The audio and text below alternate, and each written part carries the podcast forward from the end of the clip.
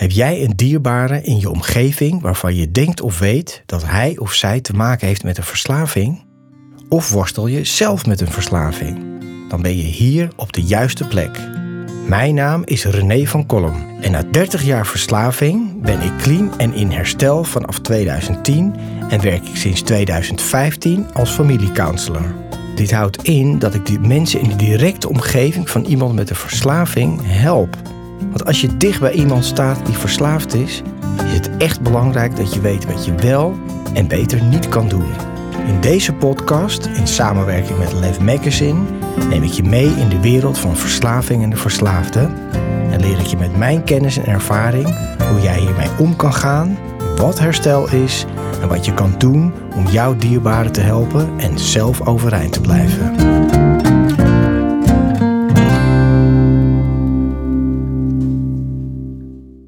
Lieve mensen, welkom bij een nieuwe aflevering van de podcast van verslaving naar vrijheid. Mijn naam is René van Kolm en in deze aflevering wil ik jullie drie tips gaan geven.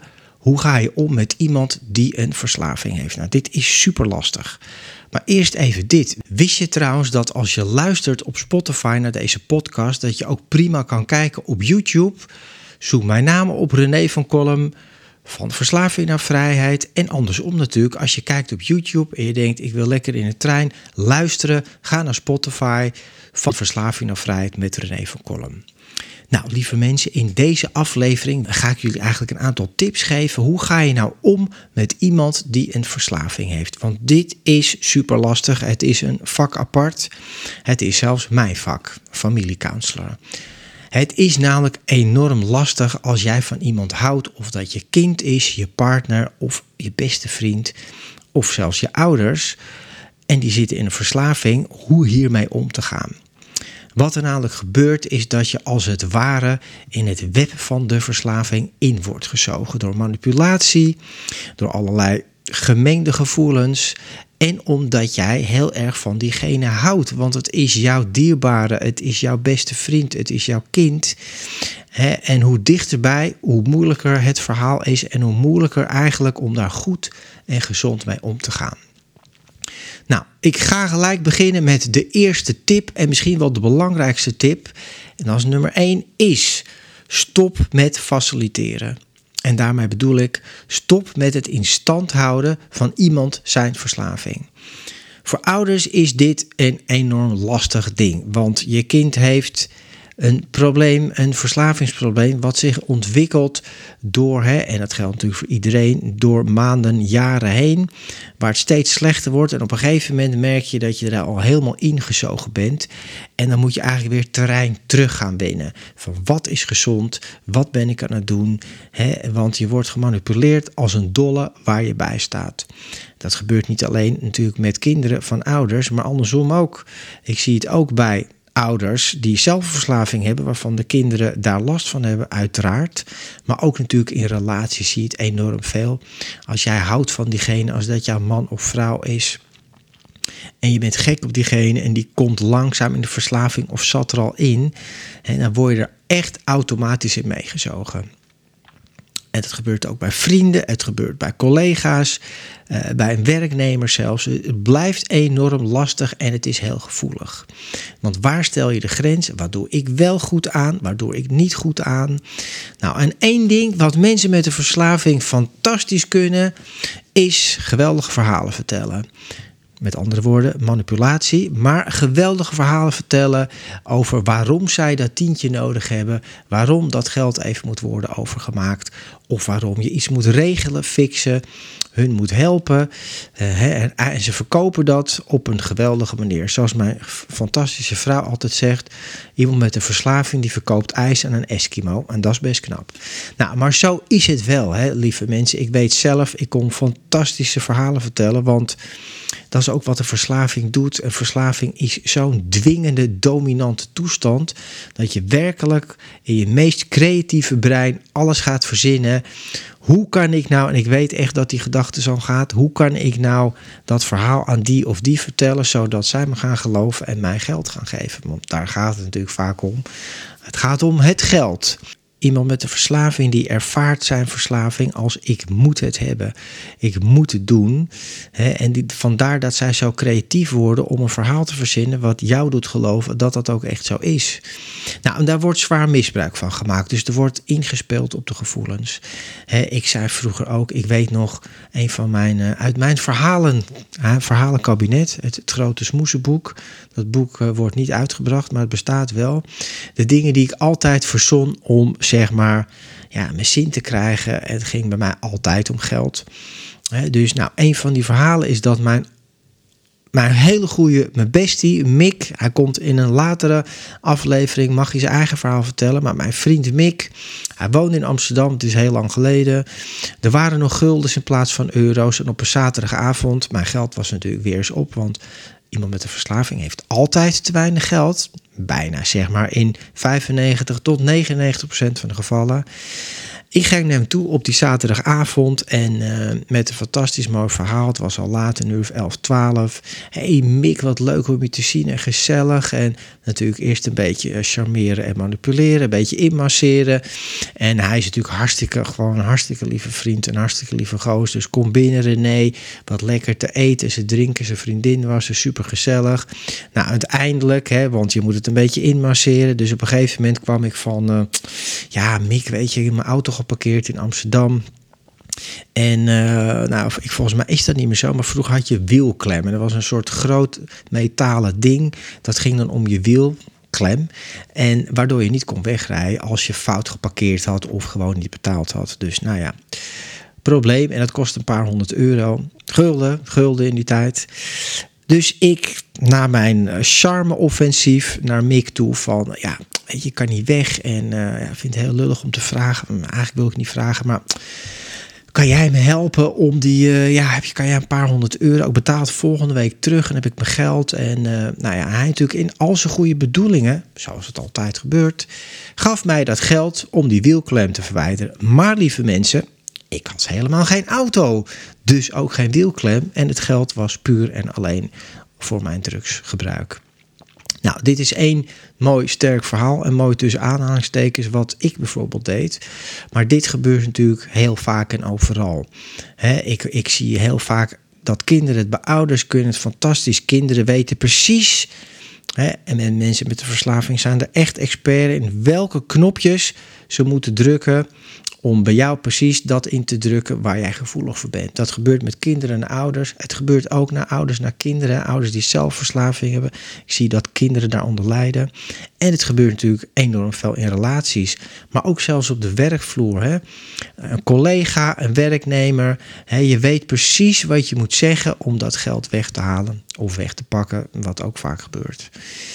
Nou, tip 1 is super belangrijk, lieve mensen, dat je heel erg gaat opletten. Dat je gaat stoppen met faciliteren van iemands verslaving. Dus de basisregel is: als iemand een verslaving heeft, geef geen geld. Want het geld gaat gewoon, zeg maar, 99,99% naar die verslaving toe. Zelfs als ze uitgaan naar de boodschap of de huur of een rekening, dat betekent vaak in 99,99% van de gevallen dat ze hun geld, waar, wat ze eigenlijk hadden, aan hun verslaving hebben uitgegeven en nu de huur niet kunnen betalen of geen boodschappen of die rekening. Dus eigenlijk betaal je nog steeds hun verslaving. Nou, stop hiermee, lieve mensen. En dat is hard, dat voelt hard, maar een verslaving is keihard.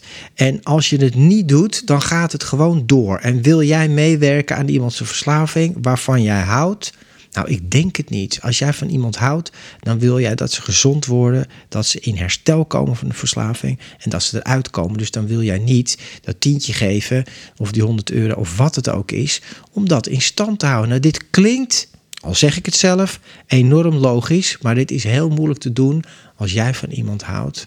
Want dan gaan we naar tip 2. Je wordt gemanipuleerd als een dolle. Dus die gaat dingen zeggen als dingen die ik zei van ik moet dat betalen, want mijn leven wordt bedreigd. Of ik word in elkaar geslagen. Die dealer krijgt nog geld van me. En vaak is het drama, huilen. Ik word uit mijn huis gezet. Er gebeurt dit, er gebeurt dat. Er zijn natuurlijk altijd fantastische vaak lulverhalen, en soms zijn ze ook wel waar, waarom jij geld moet geven voor, om weer iemands verslaving of zijn probleem op te lossen. Zolang jij het probleem blijft oplossen van diegene, dat is eigenlijk hoort weer bij tip 1, hou je de verslaving in stand. Maar je wordt gemanipuleerd, dus dat gaat eigenlijk hand in hand. Stop met faciliteren en laat je niet manipuleren. Nou, en het ruimt ook nog. maar dat gaat hand in hand. Dus let daar heel erg op. En hoe herken je nou als iemand je manipuleert?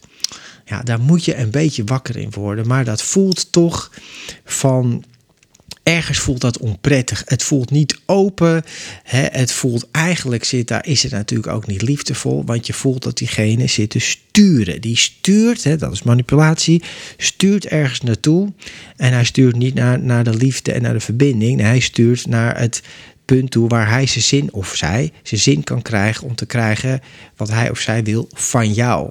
Wat het ook is. Dat kan natuurlijk emotioneel zijn, het kan in relatie seksueel zijn, het kan van alles zijn, maar het gaat natuurlijk vaak om geld of om aandacht. Nou, wat er ook nog bij komt, is natuurlijk heel veel, zoals je dat noemt, krokodillentranen. Want mensen met de verslaving zijn fantastisch goed in toneelspelen huilen, drama, oh, oh, oh. En ik stop er morgen mee en het is wat stom wat ik heb gedaan. Ja, en ik moet dat oplossen. Maar ik ga nu echt, ik heb morgen een afspraak bij die kliniek. Ik heb de huisarts gebeld. En dat klinkt fantastisch. En oké, we gaan nog één keer doen. En ik geef je nog één keer dat tientje. Of dat, die 100, 100 euro. En dan fantastisch dat je naar die huisarts gaat. En vervolgens gebeurt er helemaal geen ene puntje, puntje, reet. Er gebeurt geen reet. Want je wordt gemanipuleerd waar je bij staat. Dus draai het eens om. Als jij naar de huisarts gaat en ik zie dat jij in behandeling bent en het gaat goed met jou en je neemt je verantwoording voor jouw leven en voor jouw stel, dan wil ik jou best helpen met een aantal dingen. Maar niet van tevoren, ik ga je nu geld geven en dan gaan we wat doen, want dat gaat niet werken. Want het geld gaat naar de verslaving toe. 100% garantie dat je geld ook kwijt bent. Nou, en de derde is super belangrijk en ze sluiten eigenlijk allemaal naadloos aan elkaar is stel gezonde grenzen voor jezelf. Want de verslaafde, daar draait het maar om één ding en dat is om ik en me, myself en I. Hè? Ik bedoel, in mijn verslaving, ik ben alleen met mezelf bezig. Mijn moeder, al haar verdriet en pijn. Mijn vader, nou, leeft op een gegeven moment niet meer. Maar hoe het met hun gaat, met mijn broer, maar ik heb alle echt, echt allerliefste vrouw in de wereld. Maar in mijn verslaving ging ik echt boven de allergrootste liefde in mijn leven die ik gevonden. Mijn verslaving was belangrijker. Ik heb dingen gedaan die ik nooit zou doen zonder verslaving. Want ik hou enorm veel van haar, maar ik deed het wel. Verslaving is belangrijker dan van wie je dan ook houdt. En dat merk je ook. Dus stel gezonde grenzen. Zeg tegen diegene van ik hou van jou, maar ik hou niet van jouw verslaving. Jij bent welkom, maar je verslaving en je gedrag is niet welkom. En dat zie je ook een stukje grenzen stellen.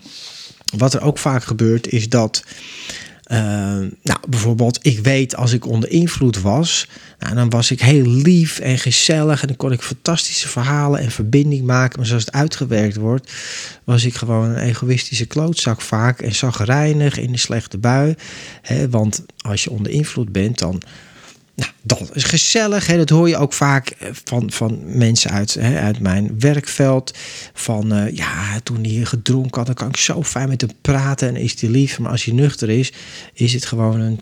Nou ja, je begrijpt het wel. Een klootzak en gemisdraagt hij zich. Dat kan ook andersom zijn natuurlijk. Dat iemand, als hij dronken is, onder invloed is of in zijn verslaving zit, de game of te gokken. Dan moet je ze vooral niet storen. Want dan word je gewoon fucking uitgescholden. Uh, je wordt uh, met geen respect behandeld. dus ga jij het gesprek aan met zo iemand die onder invloed is of vol in zijn verslaving zit? Nou, ik dacht het niet. Dus je, die, wat er namelijk gebeurt is, lieve mensen, dat iemand met een verslaving bepaalt de spelregels. En daar moet je voor waken. Dat probeer dat te gaan omdraaien. Ik bepaal de spelregels hoe jij met mij omgaat. En dat doe je niet door te zeggen, want het is fantastisch mooi. Hè, dan zeggen bijvoorbeeld, wat ik vaak tegenkom, dat ouders zeggen. Nou, dat ken je natuurlijk allemaal. Als je nog één keer, dit is de laatste keer, en als je nog één keer dat doet, dan is het echt klaar. Hè? En dat heb je natuurlijk in relaties ook. Dit is echt de laatste keer. Ik ben er helemaal klaar mee. En dat roep je en dat zeg je. Maar er gebeurt eigenlijk niks. Dus je kan het beter niet zeggen, maar je kan beter iets gaan doen. Want hoe het werkt is dat je mensen leer je niet om te gaan met jou door woorden, maar door met gedrag. Door te laten zien hoe je met mij omgaat, dat werkt. Niet door woorden. Hè. Ik doe, als je nog één keer doet, dan. Hè, of dit is de zoveelste keer. En huilen en doen. En dan begrijp ik allemaal wel dat al die woorden en gevoelens er zijn, maar het komt niet over. Dus je leert iemand om met jou om te gaan door het gedrag wat jij zelf neerzet naar diegene toe. Dat geldt trouwens in alle situaties, niet alleen in verslaving natuurlijk. Dus ga kijken, als je gezonde grens gaat stellen, wat heb ik nodig? Wat is goed voor mij? Niet iets wat goed voor hem, nee, wat is goed voor mij? En maak daarin steeds het onderscheid als het je kind is, je partner, je familielid of je beste vriend. Van, weet je, en je moet ze ook niet laten vallen in die zin, maar um, je kan dat onderscheid moet je maken door te zeggen van ik hou van jou en ik wil jou helpen ik rij met je mee naar een kliniek, we gaan naar een dokter. Uh, ik wil met je praten als je nuchter bent en niet in je verslaving zit. Hè, of, of niet met, met één oog op je telefoon zit naar de gokwedstrijden. Of met één hand een soort spelletjes doen. Nee, als je echt aanwezig bent en oprecht bent. Ook ga bij jezelf steeds checken. Voelt dit oprecht? Is diegene aan het manipuleren? Voelt dit prettig of voelt het niet prettig? Geef dat dan ook aan. Dus ik hou van jou, maar ik hou niet van jouw verslaving. Jij bent welkom, maar jouw gedrag en je verslaving is niet welkom. En daar trek je de grens. Dus je wijst niet die persoon af, want iemand met een verslaving heeft absoluut, willen ze in herstel komen, vooral ook als ze in herstel zijn, support nodig liefde nodig, een omgeving nodig. Zoals ik dat heb gehad met de allerliefste vrouw in de wereld. Sorry lieve mensen, maar die allerliefste vrouw is bij mij. Die heb ik al. Dus die kans is bekeken en verkeken. Maar dat heb je wel nodig. Een omgeving die je steunt. Nou, daar, daar zal ik in een andere aflevering ook. Ik heb het gehad over 12 stapprogramma. Er is van alles met iemand met een verslaving. Maar nogmaals, naar punt 1. Als jij iemand geen als jij niet stopt met faciliteren, je blijft betalen, je blijft fixen, je blijft regelen, dan betaal je eigenlijk mee, en zeg ik nu even heel zwart-wit, aan iemands dood. Aan iemands ongeluk, aan iemands duisternis, aan iemands verslaving. Wat leidt tot enorm veel leed, ellende en verdriet. En niet alleen dat, jij wordt daarin meegenomen. Dus hè, vaak zie je ook wat er gebeurt als je niet die grenzen stelt. Dat mensen helemaal langzaam maar zeker steeds meer in hun hoofd alleen heel vaak bezig zijn of alleen nog maar bezig zijn. Ziet het vaak bij ouders met het probleemgeval. Het kind dat de problemen heeft. Dat was bij mijn moeder niet anders. Hè. Het ging maar, was maar één onderwerp. Dat was uh, René, René en, en René en René's problemen. Dus hè, zij werd daarin meegenomen op een totaal ongezonde manier. En, en nogmaals, hè, ik zit hier en kan tegen jullie praten, deze microfoon en voor deze camera, omdat mijn omgeving, mijn allerliefste vrouw, waar ik het net over heb gehad, en mijn fantastische moeder, die heel veel moeite hadden, want het zijn echt hele, hele lieve mensen, om uiteindelijk toch die grenzen te stellen. Om te zeggen van dat stuk, wij houden van jou en we willen je steunen. Maar je gaat er nu wel echt iets aan doen. En als je het niet doet, dan gaat bij ons de deur dicht. En niet omdat we niet van je houden, maar omdat wij niet jouw, jouw verslaving blijven faciliteren, maar ook vaak omdat het niet meer kan. vaak moeten, helaas, moeten de mensen, de omgeving, de partner of de ouders of degene ernaast eigenlijk niet zoveel lijden als diegene met verslaving om te stoppen. Nou, ik wil je helpen om dat iets eerder te doen door deze tips te geven. Het is niet nodig, laat het niet doorgaan. Je helpt vooral door niet te helpen. Je mag ongebreideld veel liefde geven, maar geen geld. En je laat je niet manipuleren en stel die grenzen. liefde is ook nee zeggen. Liefde is niet alles is liefde en alles is goed. En hè, dat hoor je ook vaak uit hele goede bedoelingen. Als iemand verslaafd, dan haal je hem in huis. Nou, en dan is het hartstikke fijn. Maar na een paar dagen denk je, wat de puntje, puntje ben ik nou eigenlijk aan het doen? Want dan begint dat te werken. Verslaving, lieve mensen, gaat niet om alcohol, drugs en gamen en gokken en al die dingen waar het zich in uit. Maar om een hele negatieve, destructieve dynamiek, sfeer, energie die eigenlijk iedereen beïnvloedt die ermee te maken heeft. Dus daar ga je gezonde grenzen voor stellen. Van wat heb ik nodig? kijk, hoe kan ik mijn eigen, eigen leven behouden? Hoe, wat heb ik nodig? Kan ik blijven werken, sporten, met leuke mensen omgaan? Uh, dat soort dingen allemaal. Want omgaan met iemand die een verslaving heeft is zwaar en moeilijk.